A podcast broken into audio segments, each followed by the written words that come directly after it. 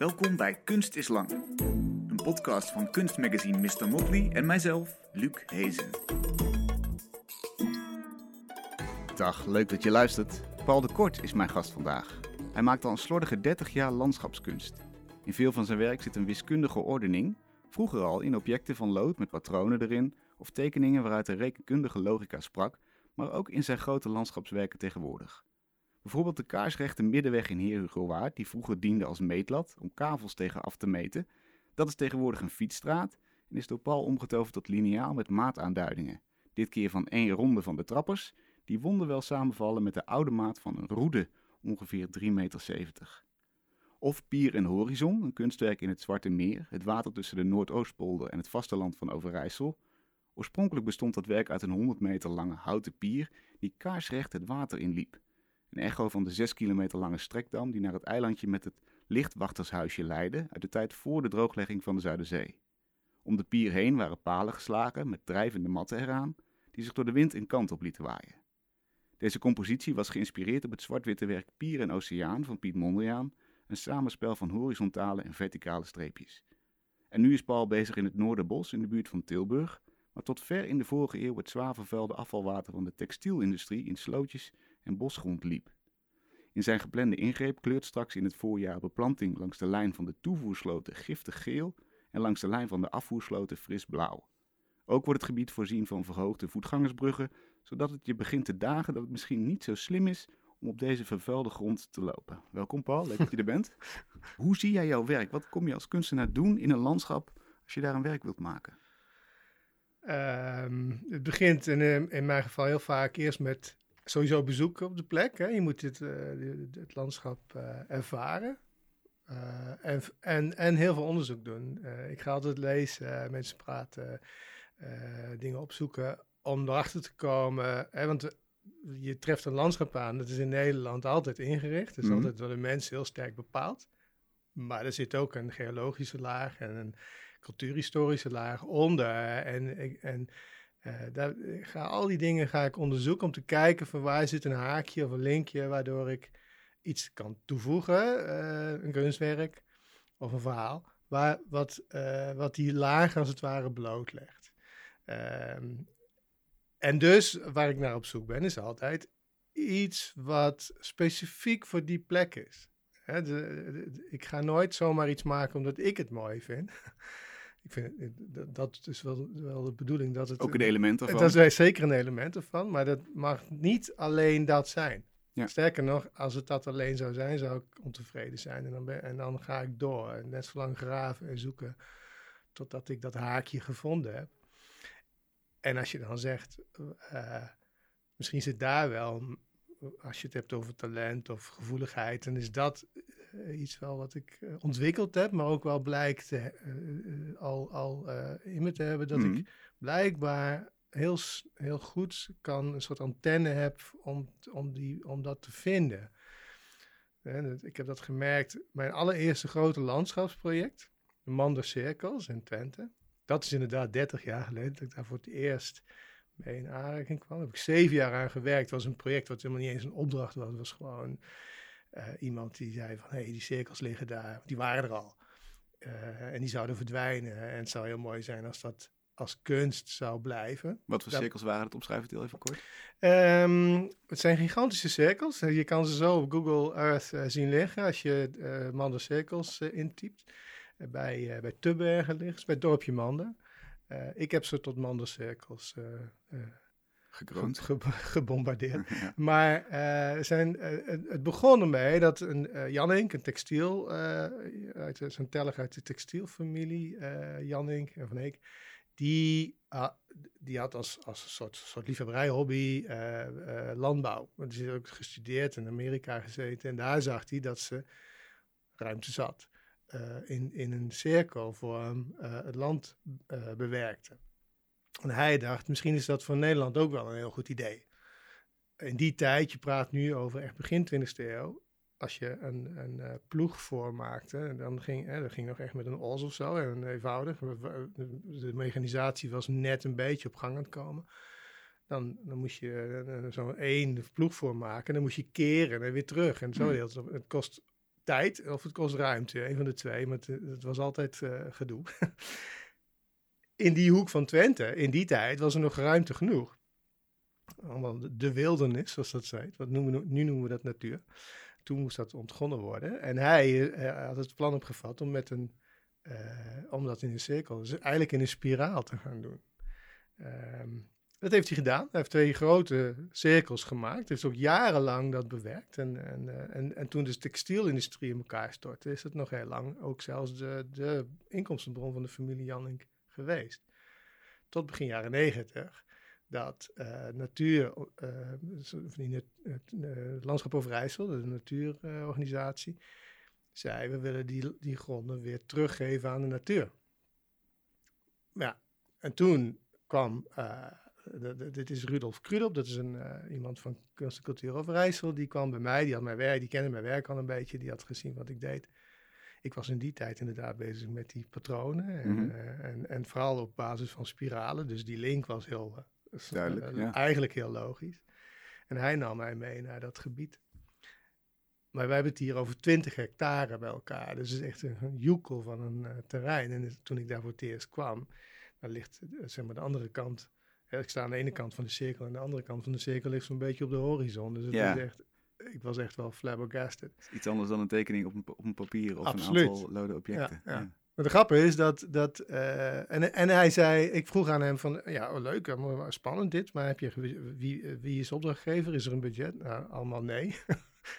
dus, maar, ik ben, maar ik dacht, ja, als ik dit laat schieten, dan krijg ik spijt van. Dat hmm. voelde ik. En ik dacht, ik ga hiermee aan de gang. Ik heb, en ik heb dus gewoon, ik heb daar zeven jaar aan gewerkt om dat van, uh, van de grond te tillen. En zelf fondsen geworven, zelf mijn, eigenlijk mijn eigen opdracht geformuleerd. En na zeven jaar was het een kunstwerk. En wat, wat is het geworden?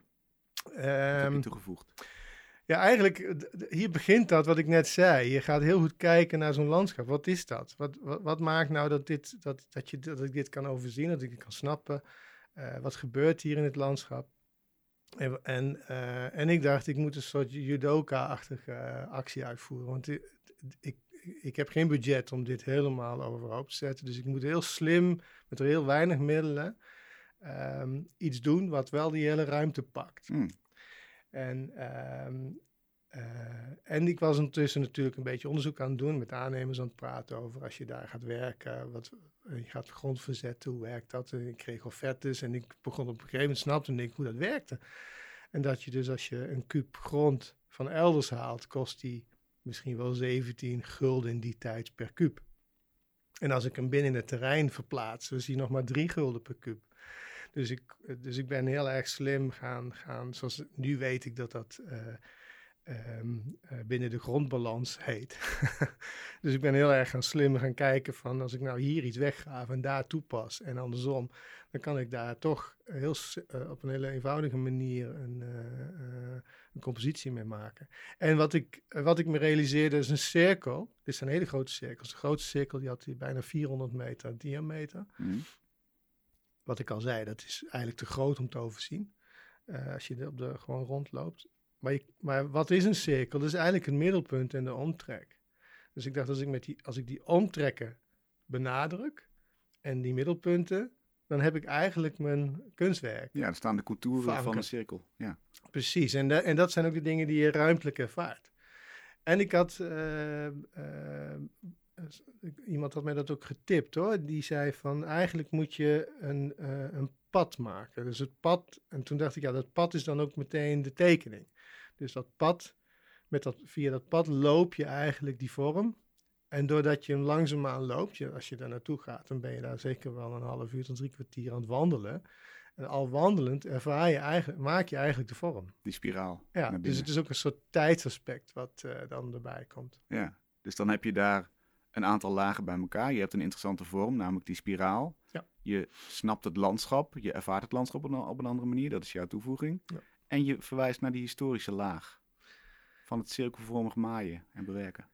Precies, en, en, en het was natuurlijk een vreemdkörper in dat landschap. Hè? Dus ik bedoel, pff, die cirkel in dat landschap past daar eigenlijk helemaal niet. Dus, Ja. dus dat maakt het ook weer dat het als kunstwerk interessant is. Want als iets heel erg goed blendt in het landschap, ja, dan zie je het niet meer.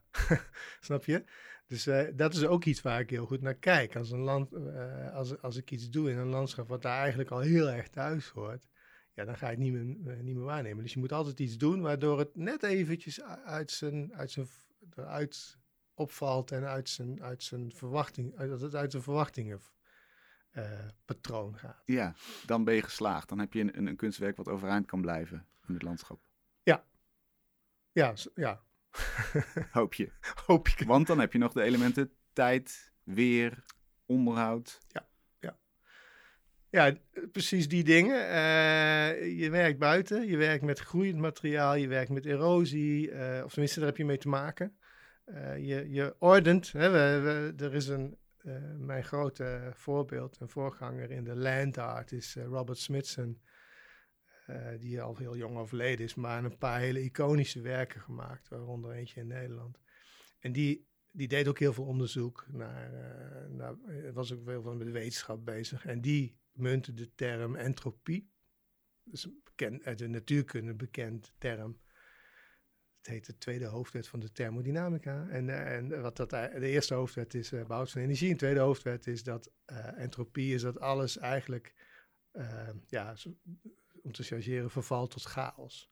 Dus wij ordenen dingen, maar de tijd en de, uh, heeft de neiging om dat weer, uh, weer die ordening weg te halen en een soort te egaliseren eigenlijk. Bijvoorbeeld, een heel mooi simpel voorbeeldje is altijd, ik heb koffie, die is warm, daar heb ik energie in gestopt, dus daar is, maar als ik dat heel even laat staan, dan wordt de kamer ietsjes warmer en die koffie een heel stuk kouder. Maar uiteindelijk is het in balans. Ja. Dus die energie wordt weer, uitge die wordt weer verdeeld en langzaamaan is een soort. Uh, en, en dat is dus met die kunstwerken ook. Op het moment dat ik. Uh, dus ik orden dat. En dan vervolgens komt de tijd, noem ik dat. en, uh, en dat ben ik me ook heel bewust van. Ik maak er ook gebruik van. Ik vind het ook een, een aspect wat mee een vormgevende handeling is eigenlijk. Ja. Uh, de seizoenen. Uh, en dan weet ik gewoon dat die kunstwerken langzaamaan, sommige sneller, sommige langzamer, maar weer geleidelijk opgenomen worden in een soort. Uh, in dat landschap. Ja, in een soort balans, wat het dan ook is, een soort chaotische balans. Ja, je, je, jouw eerste vraag terugkomend. Want waarom fascineert me dat zo, dat landschap? Want ik ben natuurlijk gewoon opgeleid, Rijksacademie en gewoon als kunstenaar. En helemaal niet per se, dat bedoel landschapskunst. Landart bestond al wel, maar was in Nederland eigenlijk nog, toen ik uh, opgeleid werd in de jaren tachtig, niet echt aan de orde. Later veel meer, maar ik heb eigenlijk mijn eigen niche ontwikkeld door in dat landschap te gaan. Maar ik, ik, ik, realiseerde me later, als ik terugkijk, dat ik denk van eigenlijk had ik die fascinatie al veel langer. Want ik heb ik was altijd heel erg gefascineerd door, door die sporen in het landschap, menselijke sporen, ruïnes, maar soms ook gewoon industriële uh, restanten die dan zo langzaamaan overwoekerd raken. Dus die, die uh, het, letterlijk de natuur en het landschap weer, wordt, neemt dat weer op. En net op die, op, die, op die kanteling dat het er nog wel is, maar eigenlijk zijn functie verloren heeft en alleen nog maar een soort structurerend element is, in dat landschap, dat, is, dat vond ik heel spannend. En, en, een soort spoorzoeken eigenlijk. Een kleine hint naar het verleden. Ja. Maar, maar het is eigenlijk doelloos geworden. Ja, ik kan me herinneren dat ik als, als jongen uh, op een gegeven moment wandelen was met een hond. En, op een gegeven, en, en, en ik, kom, ik ben opgegroeid in Waalwijk, dus uh, in Brabant. En er was een spoorlijntje tussen Den Bosch en de Amsterdamsveer. Ooit, ooit reden daar kolentreinen heen en weer. Maar dat spoorlijntje is al heel lang in onbruik in die tijd. Maar die dijk lag er nog en die, en die rails waren nooit weggehaald. Maar omdat je dat niet meer gebruikt, raakt dat gewoon overwoekerd. En ik liep daar met de hond, omdat het een heel mooi pad was eigenlijk om daar zo te lopen. En, en ineens trof me, waarom, een soort gevoeligheid, en dat heeft met leeftijd te maken, weet ik niet, maar ineens trof me die, dat, dat, dat die natuur eigenlijk weer uh, daar, uh, dat helemaal in zich opnam. En langzaam overnam. En, uh, maar tegelijkertijd ik naar de voegte. Hè? Want als er al die bielsen liggen, dan geeft dat ook een soort ritme. Uh, dus dat fascineerde me ook. Maar dat, die natuur en, die, en, dat, en, dat, en dat gecultiveerde element, wat dan eigenlijk langzaamaan weer, weer verdwijnt. Dat, dat, die spanning, dat vond ik heel spannend. En ja. dus dat is iets wat me nog steeds. ehm, ja, als ik, als, ik, als ik over die kunstwerken denk, is dat iets wat, wat ik eh nastreef. Is dat dan een samenwerken met de natuur? Of ben jij een tijdelijke tegenstander van die natuur? In de wetenschap dat je het niet zult winnen, maar dat je misschien één ronde van de bokswedstrijd wint, bij zo'n spreken. Ja, even moet je dus inderdaad. Kijk, als ik niks zou doen, dan, gaat gewoon, dan is het gewoon natuur. Ja. of landschap. Ik, maak onderscheid tussen natuur en landschap. Land, ik noem het eigenlijk landschap. Ehm, ehm, dus wat ik doe, is vaak eerst ordenen en inderdaad met een graafmachine of met andere middelen de boel overhoop zetten en structureren en, en een soort, soort vorm maken. Ehm, die laat ik dan weer los. En dan komt inderdaad de, de wind en het water en de tijd en de seizoenen en, uh, en andere krachten. En die gaan dat langzaamaan weer, weer terugnemen, zou je zeggen. En, en, en, en eigenlijk is die kunstwerken zijn niet zo interessant als ze net klaar zijn. Ze worden steeds mooier en spannender eigenlijk naarmate de tijd daar ook uh, overheen gaat. Ik, ik, ik registreer ook heel vaak mijn werk in die, in die, in die langzame vergelijking in de tijd. Mm. Dus het is een noodzakelijk element, die natuur daarin. Ja, zeker. Jij doet een voorzet en het werk wordt afgemaakt gedurende de tijd. Precies dat. En op welk moment is hij optimaal, om het zo maar te zeggen? Ja, dat wisselt per werk. Dreigt de chaos natuurlijk. Ja, ja. En dan is het misschien, heeft hij zijn hoogtepunt gehad, zou je kunnen zeggen. Nou, er is een voorbeeld. Er is een kunstwerk wat ik gemaakt heb uh, in de Biesbos, Brabantse Biesbos. Dat heet De Wassende Maan. Dat is een vrij iconisch werk. Dat is ook uh, vrij bekend. Uh, dat is een onderdeel van de ruimte voor die rivier. Uh, wat de afgelopen 20, 25 jaar. Ook weer een spiraal. Hè? Dus, dus het water trekt daarin als een soort van doolhofvorm. Is, is dat spiraalt dat daar? Ja, het is, het is niet echt een spiraal. Het is echt letterlijk een, een labyrint. Ja. Het, het, water is een labyrint. Ja. Dus ik moet even iets uitleggen. Mensen kunnen het ook opzoeken. Het water is het labyrint. Dus dat is één doorgaande lijn. En die is als het ware in elkaar gevouwen. Maar dat is wel één lijn. Oh ja. En dat water kan erin en eruit, want het, er is een lichte eb- en vloedwerking. En zeker als het harder waait, dan komt het water extra omhoog. Of zoals nu met die enorme regen de afgelopen dagen ook. En dan, dan komt het water hoger te staan en dan vult hij zich steeds verder met dat water. Maar dat is één doorgaande lijn. Maar ik noem dat de restvorm. Dat is een beeldende term. Maar je, als je iets tekent, dan heb je altijd een, een, een deel wat als het ware wat je omtekent. -hmm. Dat is een doolhof moet je maar eens kijken. Ik heb daar een boekje op mijn website en dan kun je het allemaal zien. Um, die twee, dat zijn ook echt pendanten van elkaar, ook in betekenis. Dus die, dat, die, die, dat, dat labyrint staat eigenlijk voor het water en de natuur en die natuurkrachten, waar ik, wat ik zo benoem. En ja, die twijfelen niet, dat gaat gewoon. En uh, die hebben altijd gelijk. maar die kadertjes waarmee ik dat labyrint getekend heb in feite, dat is waar je ook kan lopen, dat staat uh, symbool voor, voor onze manier van dat sturen van het water. Dijkjes, kades, stuwtjes. Een soort letterlijke labyrint van, van elementen waarmee wij het water in het hele Nederland sturen. Want we wonen voor een heel groot gedeelte onder het zeeniveau. Dus het is één grote constructie. Enfin, dat, ik heb dat kunstwerk gemaakt. Hè? Dus er zit dus ook... Ik zei ook toen ik het opleverde van we zijn in dat doolhof en we, we zijn nu een pad ingeslagen met het sturen van het water en door, de, door die hoge rivierstanden, want dat is de aanleiding van ruimte door de rivier, bijna overstromingen in de jaren negentig, we, zijn we op onze vingers getikt. We moeten terug. Zijn we bijna een doodlopend pad ingelopen. We moeten die, die rivieren veel meer ruimte geven. Uh, dus dat staat er het kunstwerk eigenlijk symbool voor. Het is, vrij, het is echt een groot kunstwerk, 200 meter in diameter. Maar wat er gebeurt is dat, als je het, jij voor jouw vraag van wanneer is dat, dat kunstwerk eigenlijk optimaal, dat is als het, als het, uh, uh, het water in de, in de Merwede en de, en de Maas omhoog komt en er is een noordwestenwind en al een paar dagen en dan komt dat water omhoog en je hebt een beetje eb en vloed en dan is er een moment dat die eventjes onder water gaat, dus die even helemaal verdwenen mm. en dan valt die weer droog. En dat is heel subtiel, heel subtiel spel. Ik heb daar een filmpje over, dat kun je ook zien op mijn, op mijn website. Het is een timelapse filmpje van één etmaal, dat je hem inderdaad, in het begint die eh, droog, dus dan zie, je dat, die, dan zie je dat patroon. En dan geleidelijk zie je dat water omhoog komen, dan verdwijnt die even, dan heb je gewoon één grote plas. En na een tijdje zie je het water weer zakken en dan zie je hem weer doorschemeren. Dan komt het menselijk handelen, zie je weer bovendrijven Ja, eigenlijk. Ja, en dan zie je die vorm, hè, want het is natuurlijk een teken, zou je kunnen zeggen, dat, dat, eh, dat doolhof. En eh, dat is dan eens schemert dat weer door en, en is het er weer. En, en die, die, die, eigenlijk is dat, eh, bijna heb ik dat kunstwerk gemaakt om dat te ervaren, Ah, ja. zou je kunnen zeggen. Ja. Ja. Alleen nu, heel- alleen nu is er, hè, je had het net over beheer, de Staatsbosbeheer moet dat beheren. En die hebben dat eh, wat eh, nou, weinig gedaan de afgelopen jaren. was niet de afspraak, maar het is wel gebeurd. En nu is het heel erg overwoekerd, want het is natuurlijk een heel groeizaam landschap. Hmm. En op een gegeven moment heb je wilg en riet en dat is nu zodanig eh, eh, overwoekerd geraakt dat je het eigenlijk heel moeilijk nog kan ervaren. En heb jij dan de strijd met de natuur verloren? Of is dat een interessante toevoeging? Dat is een goede vraag. Ik heb eigenlijk de strijd met Staatsbosbeheer verloren. Ook een soort natuur, maar niet helemaal. Nee, kijk, die, dat is het ingewikkelde in de natuur. Ah, Kijk, als je, als je echt zegt van we laten het gaan, dan is zo'n kunstwerk als was in de maan binnen de kortste keren overwoekerd. Ja. Omdat het zo'n heel dynamisch landschap is. Heel anders dan bij de mandencirkels bijvoorbeeld, wat een veel trager eh, landschap is. Dat wist ik ook.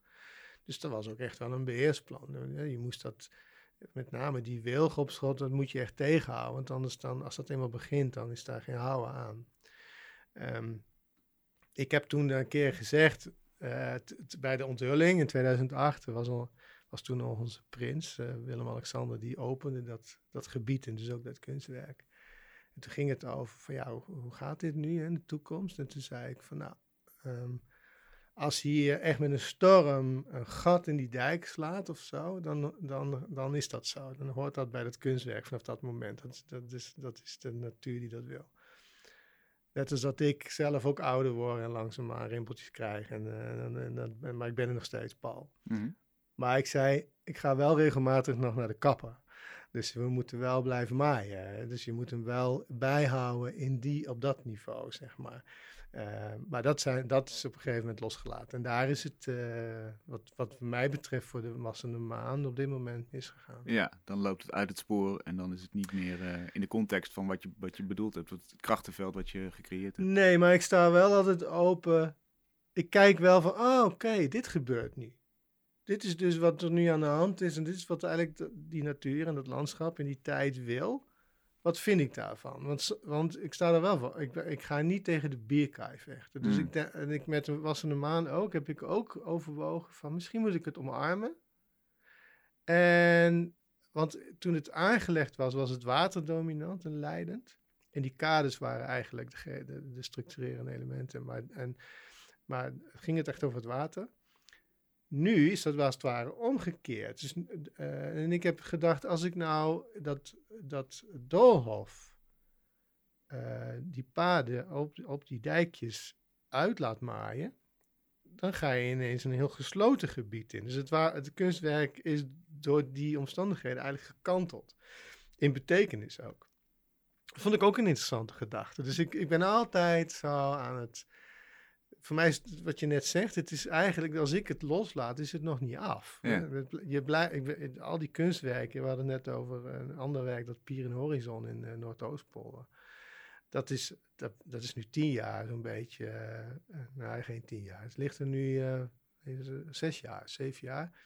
En 2016 het, is het opgeleverd. Ja, mij, ja, En, en, en het is gebleken dat dat, dat toch wel dat dat daar veel harder tekeer gaat met uh, storm en, uh, en water ja. dan ik gehoopt had. Storm Unies in 2022, ja, die, die, heeft de boel te grazen gehad. eh, Er waren al tekenen dat met harde wind en storm dat die uh, daar aardig op zijn donder kreeg. Dus ik was al zo van, oeh, gaat dit goed? En het, en het herstelt zich niet, hè, dus, constructies. En toen met Yunis vorig jaar, zo echt een jaar geleden was het volgens mij. Mm -hmm. uh, zijn, maar eigenlijk waren het drie stormen. Hè? Dus het was echt een, uh, een, een, een, treintje van stormen. En dat ging zo tekeer. Dat, nou, dat is, dat is echt, echt grote schade. Laten we eerst even naar wat het was. Het was een, een, een, een pier het water in ja. van 100 meter. Uh, refererend, zoals ik zei al, aan die, aan die strekdam die daar lag. Hè, ja. Naar dat lichtwachtershuisje toen het allemaal nog zee was. Ja. En er waren palen en daaraan dreven kraggen. Een soort van gevlochten matten ja. met beplanting erop. Ja. In, het, in de compositie van Mondriaan. Die echo de Mondriaans pier en oceaan. Ja, ja, eigenlijk wel op, als metafoor. Eh, want het, het, het begon met, eh, ook hier even terug naar het verhaal. Ik kreeg die vraag om het zevende landschapskunstwerk in die landaardwerken van de, in Flevoland te Ja, maken. De- Schitterende route met allemaal imposante landschapswerken. ja, en ook voor mij echt zo'n droom dat je denkt, wauw, dat, dat, ik dat mag doen. en er was ook, eh, het was wel in eerste instantie een competitie, dus er werd ook gezegd eh, dat die locatie, of dat gebied, dat was voor mij een zoekgebied om daar te kijken, van kan ik daar iets toevoegen aan dat landschap. Ook hier weer geldt dat ik eh, onderzoek ben gaan doen van oh, wat, wat is dit precies, hoe zit het met die polder, ik wist er wel wat van, maar niet alles. En ehm, en, ik ga dan heel vaak, het is interessant voor iedereen om eens te kijken, Topo Tijdreis. Dat is een site waar je oude landkaarten kan, eh, kan vinden. Dus ik ga naar een bepaalde plek in het landschap en dan eh, kan je, er zit er zo'n eh, lineaaltje met jaartallen en dan kan je dus terug in de tijd. En vaak tot nou, vroeg 19e eeuw kan je nog kaarten vinden. Ah, Super interessant. Voor mij vaak een enorme bron van, eh, van informatie. En, en wat ik aantrof was, eh, eh, toen er nog geen Noordoostpolder was, maar wel Zuiderzee, een hele lange strekdam, wat je net zegt, met een lichtwachtershuis op de kop, zes kilometer richting Zuiderzee. Bedoeld om scheepvaart, het Zwarte Water op te loodsen, van naar richting Zwolle.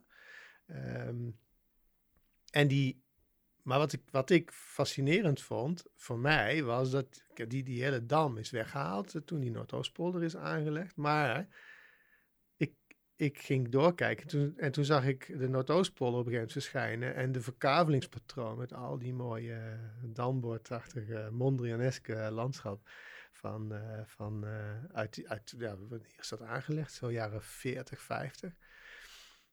Die lijn van die strekdam, die was gewoon nog eh, element van die verkaveling. En ik zag dat daar dus een heel lang pad van bijna een kilometer vanaf de Zwarte Meerweg, heet dat, richting de dijk liep. En toen dacht ik, ja, dat, de helft van het kunstwerk is al klaar. ja, precies. dus dan stuit je op die cultuurhistorische laag die zo evident is en die meteen dicteert eigenlijk, of aangeeft. Hier kan een betekenisvol we- kunstwerk ontstaan door dit te omarmen. Precies. En, en een ander ding is, ik ben ook altijd met toponiemen bezig. Dus de, de aanduiding van plaatsnamen. Dus eh, eh, in dit geval, eh, het dorpje heet Krachenburg. En dit lichtwacht, het is vernoemd naar dat lichtwachtershuis. En dat heette Krachenburg. En ik dacht, wat is dan krach? Ja, Dus ging ik opzoeken. En wat blijkt, wat is een krach? Een krach is, een, is dood rietmateriaal wat zo verlandt. En wat ze deden eh, in die tijd was om, om die, want zo'n zo'n zo'n strekdam, die moet je natuurlijk funderen op de bodem van dat water, van die zee, van die Zuiderzee. Dat doe je normaal gesproken met, zo, dat noemen ze zinkstukken, met, met gevlochten wilgeteen. Dat is vrij duur. En wat zij dachten van, weet je wat we doen? Die krachen, dat hebben we, dat is dood plantmateriaal. Die snijden we stroken uit, krachen. En die eh, slepen we op eh, de Zuiderzee. Die verzwaren we met stenen, zodat het helemaal afgedekt is van, de, van, de, van het, hoe noem je dat, zuurstof. Waardoor het niet, niet meer vergaat. ja. En we hebben onze fun- fundament. En nou, er is een soort mythe dat er dan een van die jongens die daar werkte op zo'n dat eiland komt op een gegeven moment boven water eh, en hij danst daarop en hij roept dit is de Krachenburg, dit is de Krachenburg en sindsdien heet het Krachenburg. Het is vast een mythe, ik geloof het meteen. Ik Ja, vind het een mooi verhaal. Het is een mooi verhaal. We gaan we niet kapot checken natuurlijk. Maar voor mij, want ik, en, en, en ik dacht, met, ik, eh, het is wel interessant. Ik, ik dacht, die lijn, ik wil op die dijk staan, ik wil die lijn zien, ik wil weer terug dat water op. Ik vond het spannend. Want ze- als je daar eens een keer geweest bent, is een keiharde grens tussen de polder en dat, en dat randmeer. Ja. En dat water is ook heel onbetreedbaar en heel vijandig eigenlijk. En ik dacht, het spannend zijn om dan toch die lijn te doorbreken door daar eventjes dat water op te kunnen. En dan Met een heel kwetsbaar pad eigenlijk. Zo Ja. voelt het ook. Als je Ja. daar opliep Ja. en je was helemaal aan het eind, dan voel je je heel klopt. kwetsbaar. En eh, letterlijk. En, ehm, en ik zag dus zo'n patroon daaromheen van verticale palen in het water. Ge- een beetje geïnspireerd op dat patroon waar van de Noordoostpolder, wat ook heel geometrisch is en heel verhaal ook weer achter zit. Wat echt een, een eh, ontworpen landschap is. Eigenlijk ook landschapskunst wat mij betreft, Hmm. ingenieurskunst. Ehm, en, eh, en wa- wat ik ook voor me zag was drijvende elementen. Dus die, inderdaad die krachten, die drijven op het water en die hangen aan die palen en die kunnen op de wind en de stroming bewegen. Als lijntjes. En, en ik zat in de auto, ik reed, ik was, eh, eh, ik was dit zo een beetje aan, aan, het, aan het visualiseren voor mezelf. Hoe ziet dat er dan uit? En ik, en ik zag voor me een, verticale lijn, recht eh, in, in de compositie. Dat is dus die, die, dat, die pier. Daaromheen verticale streepjes in een patroon. Met daaraan heel dynamisch horizontale streepjes. En ik visualiseerde dat en ik dacht, ik ken dat beeld. Hmm. En toen kwam dus eh, Mondriaan eh, oppoppen met zijn pier de oceaan. En toen dacht ik, dan heb ik ook meteen een titel voor dit kunstwerk, namelijk Pier en Horizon. Want die horizon is constant in beeld. En, en, en ik zocht een titel voor dit kunstwerk die internationaal, die zowel in Nederland, gewoon in het Nederlands taal zou werken, maar ook internationaal. Omdat het een internationaal podium is. Want vaak is dat een probleem. Wassende maan kan je bijna niet vertalen. Weet je? Hmm, Ja, En, dat is eh, ja. Maar, dat, maar en, en dat, wat ik nu beschrijf is, ik, ik stapel dus ideeën, concepten, invalshoeken op elkaar. En alles bij elkaar maakt eigenlijk dat conce- totaal concept voor dat kunstwerk. En dan ga ik het uitwerken en maken. Tekenen en, en, en met, met bedrijven in gesprek van hoe kunnen we dit maken, hoe zou je dat kunnen doen.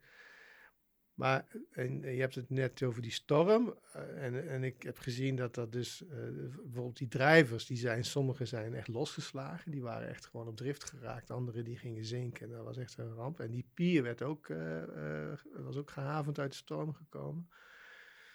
En wat ik dan doe, en dat is net als bij de wassende maan, dan denk ik, oké, jullie vinden dit, oké, jullie hebben gelijk, weet je wel. Dus, eh, Jullie zijn de, de wind en Ja. het water. Ja, en de elementen. Ja, de elementen. Ja, ik bedoel, d- dan moet je ook eh, bescheiden zijn, denk Ja. ik. En dan denk ik van, oké, ik, ik heb mijn hand hierover gespeeld misschien. Ik, heb, ik, denk, ik dacht dat ik dit wel kon doen, maar jullie hebben gezegd nee. Wat kan ik dan wel doen? Want, want ik heb ook gezien wat wel werkt. Doordat ik het... Hè, dus eigenlijk was het een proef, Ja, maar dan echt. En toen dacht ik... En, en ik was weer met een heel ander project bezig hier in Amsterdam. In de Houthaven. eh, waar nu een hele nieuwbouwwijk is eh, gebouwd. En ik was samen met een architect met die bruggen daar bezig. En ik zag foto's van die, van die drijvende boomstammen. Uit, uit de 19e eeuw, toen dat nog echt houthaven was. En dat, dat hout uit uit de Oostzee hier naartoe werd gebracht. En, en gewaterd werd, zo heet dat. En dat, wa dat hout, wateren, betekent dat je het verduurzaamt. Dus je, als, water, als hout heel lang in het water ligt, dan trekken eigenlijk die sappen eruit. Die er maar voor zorgen dat normaal het hout, langzaam het doodhout, vergaat en opgenomen wordt in de natuur. Mhm. En toen dacht ik, als ik, misschien is het dat wel. En, en dat ben ik een proef mee gaan doen. En die heb ik vorig jaar uitgevoerd. Dus ik heb drie grote, dikke boomstammen eh, gekocht. Die heb ik laten bewerken. En die zijn met een hele mooie methode, met een touw, geknoopt, aan zo'n paal vastgehangen. En die liggen daar nu bijna een jaar in het water. En dat, die doen het prima. Ja. en, en ik ben nu. eh, ehm, eh, mijn plan is eigenlijk om te kijken: van kunnen we een soort 2.0 versie met dat hout? Dus die, die metalen dingen die er eigenlijk lagen, die heb ik laten verwijderen. Die, die zijn weg. Het kunstwerk is nu dus eigenlijk onttakeld voor een deel. Ja. Dus je ziet nog wel die palen staan. Ziet er prachtig uit nog steeds. Dus ik zou zeker nog gaan kijken. En die pier is er ook nog. Maar, maar die, die drijvende elementen, er zijn er nu op dit moment drie. En dat zijn die boomstammen. En mijn, mijn ambitie is om daar, om, om, om dat weer aan te vullen. En dat dan helemaal uit boomstammen te laten ontstaan. En dan is er eigenlijk het kunstwerk weer hersteld ja, op een nieuwe manier. met goedkeuring van de elementen. Althans, voorlopig. Voorlopig wel. En, die, en het, het, kijk, die boomstammen die drijven zo op het water dat ze voor de helft onder water zitten, voor de helft boven. Dus die bovenkant die zal wel langzaamaan eh Verweren. verweren. En er zitten allemaal vogels op, die vinden Ja. het prachtig. Dus die zijn helemaal blij. Ehm, maar dat is dan een onderdeel daarvan. Maar dat duurt veel langer. En dan kan je zeggen, oké, over een x aantal jaar ehm, eh, dan moeten misschien een aantal van die boomstammen vervangen worden. Of we laten dit ook gebeuren. En, en niemand weet precies hoe lang dit duurt. Misschien duurt het nog wel een, uh, 10, 15 jaar voordat daar echt uh, zodanig is dat je denkt, oh ja, we moeten misschien toch eens weer gaan kijken Ja. of we daar moeten vervangen. Of bepaalde delen vervangen. Ja. We hebben het nu over twee kunstwerken gehad die eigenlijk esthetisch heel interessant zijn en, en ook behagen. Uh, mooi zijn, Ja. interessant zijn. Je werkt nu aan een werk wat ook een beetje mag schuren in Tilburg. Ja. Bij het, eh, het Noorderbos. De Ja. Schone Lei heet het. Ja. Het eigenlijk, een soort bosgebied wat zwaar vervuild is door het, het afvalwater van de textielindustrie daar. Ehm, is, het, is dat een, een kritischer werk dan de, de vorige twee die we bespraken? Zeker wel. Ja, de Wassende Maan heeft ook wel iets in zich van, hé, we- eh, pas op. Hè? Ik zei over die doodlopende weg. Dus ik heb altijd wel zo'n soort eh, element erin zitten. Maar dat is niet zo... eh, ik, ik, door, door wat, ik ben met het landschap bezig en het landschap staat op dit moment weer enorm onder druk. Hè? Met energietransitie en water en, en eh, stikstof. Nou, noem het allemaal maar op. Het zijn allemaal problemen die, waar ik me als kunstenaar, ook als landschapskunstenaar, mee kan verhouden. Dat- wat ik ook interessante vraagstukken vind. En waarom lukt me dat om daar mijn voet binnen de deur te krijgen? Is omdat ik heel veel samenwerk met, eh, met eh, bijvoorbeeld landschapsarchitecten. En in dit geval is dat zo. Dus eh, het groot bureau HNS Landschapsarchitecten uit Amersfoort, die daar heb ik vaker meegewerkt, ook met dat grote project Schiphol onder andere. En zij kregen de vraag vanuit de gemeente Tilburg om het heet het waterlandschap Pauwels. Om daarmee aan, aan een ontwerp voor te, een visie op te ontwikkelen in eerste instantie. En, en eh, de- de Pieter van wa- eh, HNS die vroeg aan mij, weet Paul, zullen we dat samen doen? Hij had zoiets van, het zou goed zijn als er een kunstenaar aan meedoet, zou dat een goede troef zijn. En eh, we willen dat jij dat bent. Een troef Ja, voor, de, voor het binnenhalen van die klus. Ja. En vind je dat oké als iemand dat zo zegt? Tuurlijk. Dat jouw werk even gereduceerd is tot een troef voor de financiën? Nee, ik vind het juist. eh, eh, ik maak dat tot een. eh, hoe zeg je dat? Het strekt tot mijn eer. Ik vind dat. Het, ik vind dat kunst een veel belangrijkere rol moet gaan spelen in dit soort kwesties. En, en dus eh, ehm, vind ik het mooi dat. dat en, het, en het werkt ook zo. Dat, dat mijn rol in dit soort processen vaak. Ehm, maakt dat, dat dingen soms ook makkelijker lopen. Of er ineens een eh, eh, soort eh, stap vooruit gaan. Hmm. Ehm, of dat je dus inderdaad zoals hier iets kan doen wat een landschapsarchitect niet zo snel zou doen. Dus bijvoorbeeld ergens een vraagteken bijzetten van hé, hey, hoe zit dit precies? Wat is dit voor verhaal? Ehm, eh, en dus door samen op te trekken kun je, ik leer weer heel veel van hun. Ik, ik beweeg met hun eh, mee wat zij allemaal kunnen doen. Zij kunnen dus ook dat soort hele grote projecten aan. En dat kan ik in mijn eentje helemaal niet. Dus dat, is- dat vind ik heel fijn, want dan kan ik mee ehm, eh, op hun golf meesurfen. Ja. En andersom, ik kom met, van die, met die verbeelding, met die, eh, soms met die twist die erin zit. Of, ehm, eh, en dat geldt voor, voor, voor, voor, voor het Noorderbos dus ook. En heb je wel het idee dat zowel gemeente als provincie als architecten daar eh, de waarde van zien? Of is het inderdaad eventjes... Nee, nee, nee. Geld de- ehm, het is altijd weer een, een, een strijd om eh, te laten zien wat het belang ervan is. Op het moment dat we aan het werk zijn, is die discussie weg. Kijk, ik werk heel veel in teams, zoals ik zei, met landschapsarchitecten of met architecten. En eh, ik heb daar echt hele, hele sprekende voorbeelden van. Eh, op het moment dat, dat we aan tafel gaan zitten, dan heeft iedereen die daar aan tafel zit een rol en een opdracht. De landschapsarchitect heeft een duidelijke vraag, eh, de hydroloog, de ecoloog. Ehm, ik zit daar als kunstenaar tussen en iedereen kijkt naar mij. Wat doe jij hier eigenlijk? Wat ga jij doen? En de grap is, dat weet ik zelf ook nog niet. Maar dat is heel spannend. Ja. Dat is voor iedereen spannend. Iedereen aan die tafel vindt dat spannend. Ehm, maar dat is juist wat de bedoeling is. Het is juist zo dat niet vooraf duidelijk is wat ik ga doen.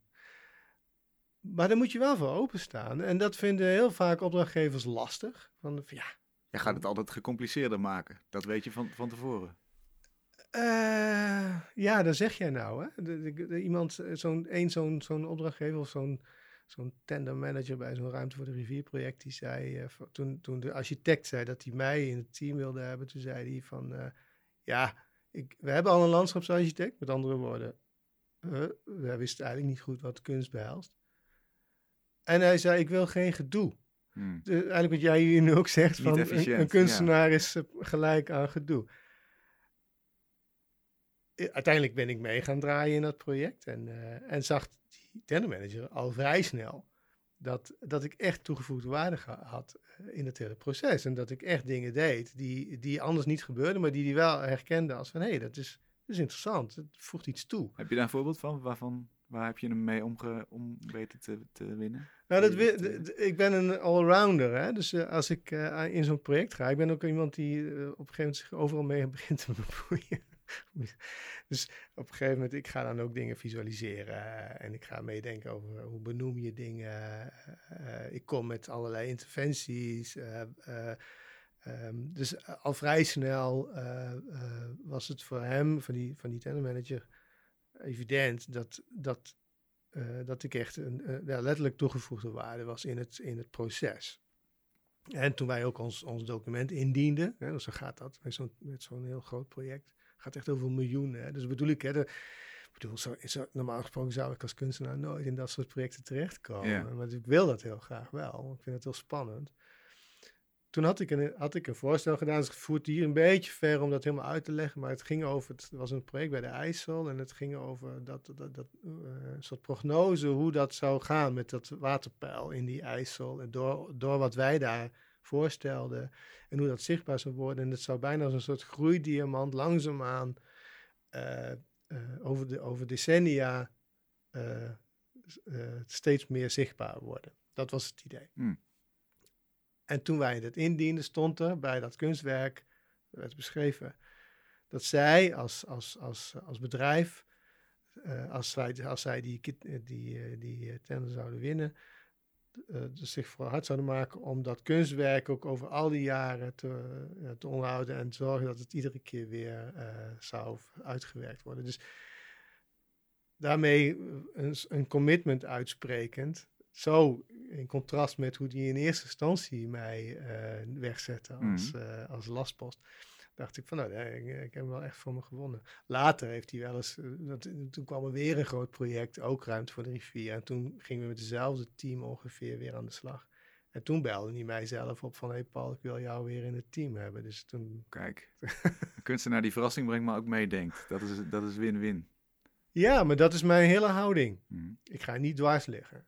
Ik ga uh, niet, in, altijd niet in eerste instantie. En, uh, maar wel, ik wil juist iets toevoegen. Maar wel iets toevoegen wat er anders niet zou zijn als ik daar niet zou zijn. Snap je? Maar, wel, maar ook blendend op een bepaalde manier. Dus het moet ook weer niet een soort, soort al te gek frame, frame zijn. Maar, uh, en, en dan, uh, waar we net over begonnen, over het Noorderbos. Ja, terug naar Tilburg. Terug naar Tilburg. Wat is de, de opgave was dat Tilburg heeft heel veel, heeft een waterprobleem. Dus de, piekbuien, heel veel water. Uh, Tilburg is ietsjes hoger, waardoor zij moeten dat water kwijt in het achterland. Uh, nou, allemaal ingewikkeld, maar daar, daar wordt een soort hoogspanningsding gebouwd. Daardoor is er een retentiegebied, wat er eigenlijk voor ingericht was, wordt verkleind. Dus het water moet ergens anders heen. Er was al een vooronderzoek gedaan. En het interessante, er ligt nu het Noorderbos. Dat is een bos aangelegd en ontworpen door HNS landschapsarchitecten 20, 25 jaar geleden. Um, eigenlijk een heel mooi gebied. Als je dat vanaf op de kaart bekijkt, dan zie je dat het een heel erg zo'n, ik noem dat een orthogonale structuur heeft. Dus allemaal uh, rechthoekige kaders. Dat is een onderlaag die, die te maken heeft met ook Tilburg. Toen Tilburg echt nog een industriestad was. Textielstad. Textiel is nog steeds een zeer vervuilende industrie, maar toen ook. Hmm dat vieze water, wat, uh, en dat is niet zomaar vies, dat is echt vervuild met zware metalen. Echt het meest gore wat je kan bedenken. Dat werd door Tilburg eigenlijk gewoon geloosd op het oppervlaktewater. Heel lang. En al die buurgemeentes hadden daar last van. Dus die begonnen te, tegen te in verweer te komen. Van ja, hou eens op met die rotzooi van jullie. Dat stonk echt een uur in de wind. En was heel giftig. Uh, toen heeft Tilburg bedacht, weet je wat, we hebben iets slims. We, we maken vloeivelden. Wat deden ze? Ze pompten dat water op uit een, een, een, een sloot eigenlijk, een riviertje slootachtig, de zandlei. En, die, en dat water werd opgepompt, uh, al een soort eerste filtering gedaan. En dan vervolgens, via wat jij net beschreef over die kanaaltjes, uitgevloeid over het landschap. Echt een gigantisch gebied. Waardoor de, het landschap dat water filterde. En dan, dus die troep die bleef achter in die bovenlaag van de, van de, van de aarde, zeg maar. Het relatief schonere water werd weer afgevoerd naar andere uh, slootjes. Dat is een heel ingewikkeld patroon hoor. En dan, weer, en dan kon het door naar de Maas en uh, naar, de, uh, naar het achterland. Dat is tot de jaren 70 van de vorige eeuw, dus 1970 zo gedaan. En toen is er een, een waterzuivering gebouwd. En, en, en, en toen is het ook dat Noorderbos daarop geplant. Ook met het idee dat die bomen die, dat gif misschien wel uit die grond zouden kunnen trekken. Mm. Of dat helemaal gaat lukken, dat is dan een vraag. Er een ecoloog ook bij betrokken. Um, maar nu was er dus de vraag van kunnen we, interessant hè, van kunnen we dat vloeiveldensysteem van toen niet ook weer her, hergebruiken om dat waterprobleem van Tilburg nu Alleen, nu, toen was het heel vies water, nu is het heel schoon water. Stedelijk water, relatief schoon water. Waardoor we dat water daar een tijdje vast kunnen houden, extra filteren en dan uh, naar het achterland sturen. En daar, wat er nu echt een waterprobleem is, wat we overal in Brabant zien, verdroging, te lage grondwaterstanden, dat landschap weer revitaliseren met dat schone, relatief schone water. Nou, mooi verhaal. Hmm. Uh, en al die lagen moet jij zichtbaar gaan maken. Of ja, en, en, ja, precies. En toen uh, in het ook weer gebied bezocht. En in mijn, in mijn struintochten stuitte ik in dat bos op die betonnen bakken waar destijds dat water in werd gepompt en uh, de eerste vervuiling kon bezinken. En vervolgens dat vieze water werd overgestuwd, zeg maar, en dat landschap ingestuurd. Dus zeg maar, de nieren, zou je kunnen zeggen, van dat, uh, van dat schoonmaaksysteem, die lagen er gewoon nog. Als een soort moderne archeologische uh, ruïnes. Ja. Prachtig. Ik dacht, ja, dit is, dit is, dit is voor mij echt... Uh, alleen, wat moet ik daar nou doen? Want ik had ook een kaartje met, daar zag je de, de mate van gif in de grond. En dat volgde precies dat patroon van die verkaveling. En de, groot, de meest, hoe roder, hoe viezer en hoe geler, hoe schoner. En de roodste plek uh, van dat hele gebied was precies daar. Precies bij die, bij die, uh, bij die betonnen elementen. Nou ja, je beschreef net al mijn idee om daar een soort brug overheen te trekken, waardoor je dat kan betreden maar, en kan, kan kijken, maar niet echt kan aanraken. Dus dat is eigenlijk de twist. Maar in mijn onderzoek uh, al lezend in al die rapporten las ik dat de, de, de Tilburgers vroeger, uh, in die industrietijd, die lei, die, die, al die riviertjes heet allemaal lei. De zandlei, maar ook de nieuwe lei, de oude lei. En, de nog, en, dat lei, betekent, dat is een toponiem ook, dat betekent dat het gegraven is, geleid. En uh, zo heb je ook een andere toponiem, de A. Dat, zie je ook heel vaak. En uh, dat is dan meer een natuurlijke stroom. Ja. En de, de, in de volksmond heette die riviertjes de vuile lei. Dat las ik. En toen dacht ik, maar dan hebben we nu een schone lei. Want we gaan nu schoon water uh, toevoegen. Ja. En die dubbeling in dat woord, schone lei zou je kunnen zeggen. Dat is ook een lei. Dat is de zandlei. Maar het is ook uh, uh, letterlijk de schone lei. Iets schoonvegen en weer opnieuw beginnen. En, en maar ik, die, ik, ik titel dat werk dus schone lei. Maar ik heb er een vraagteken achter gezet kan ik niet uitspreken, maar eigenlijk moet je zeggen schone lei. Ja. Zo heet die. Met andere woorden, die voetafdruk van die vervuiling in die ondergrond, die is, die is zodanig. Die, er zitten echt zware metalen in de grond. Daar mag je helemaal niet eens aankomen. Sterker nog, je mag eigenlijk dat gebied helemaal niet betreden, omdat het gewoon puur gif is.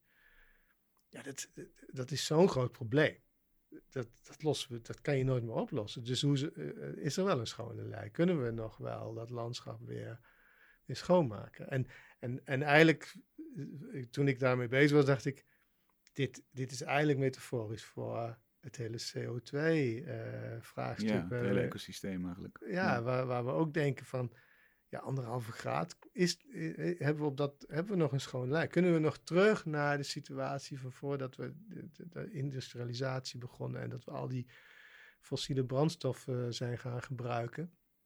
Ik denk van niet.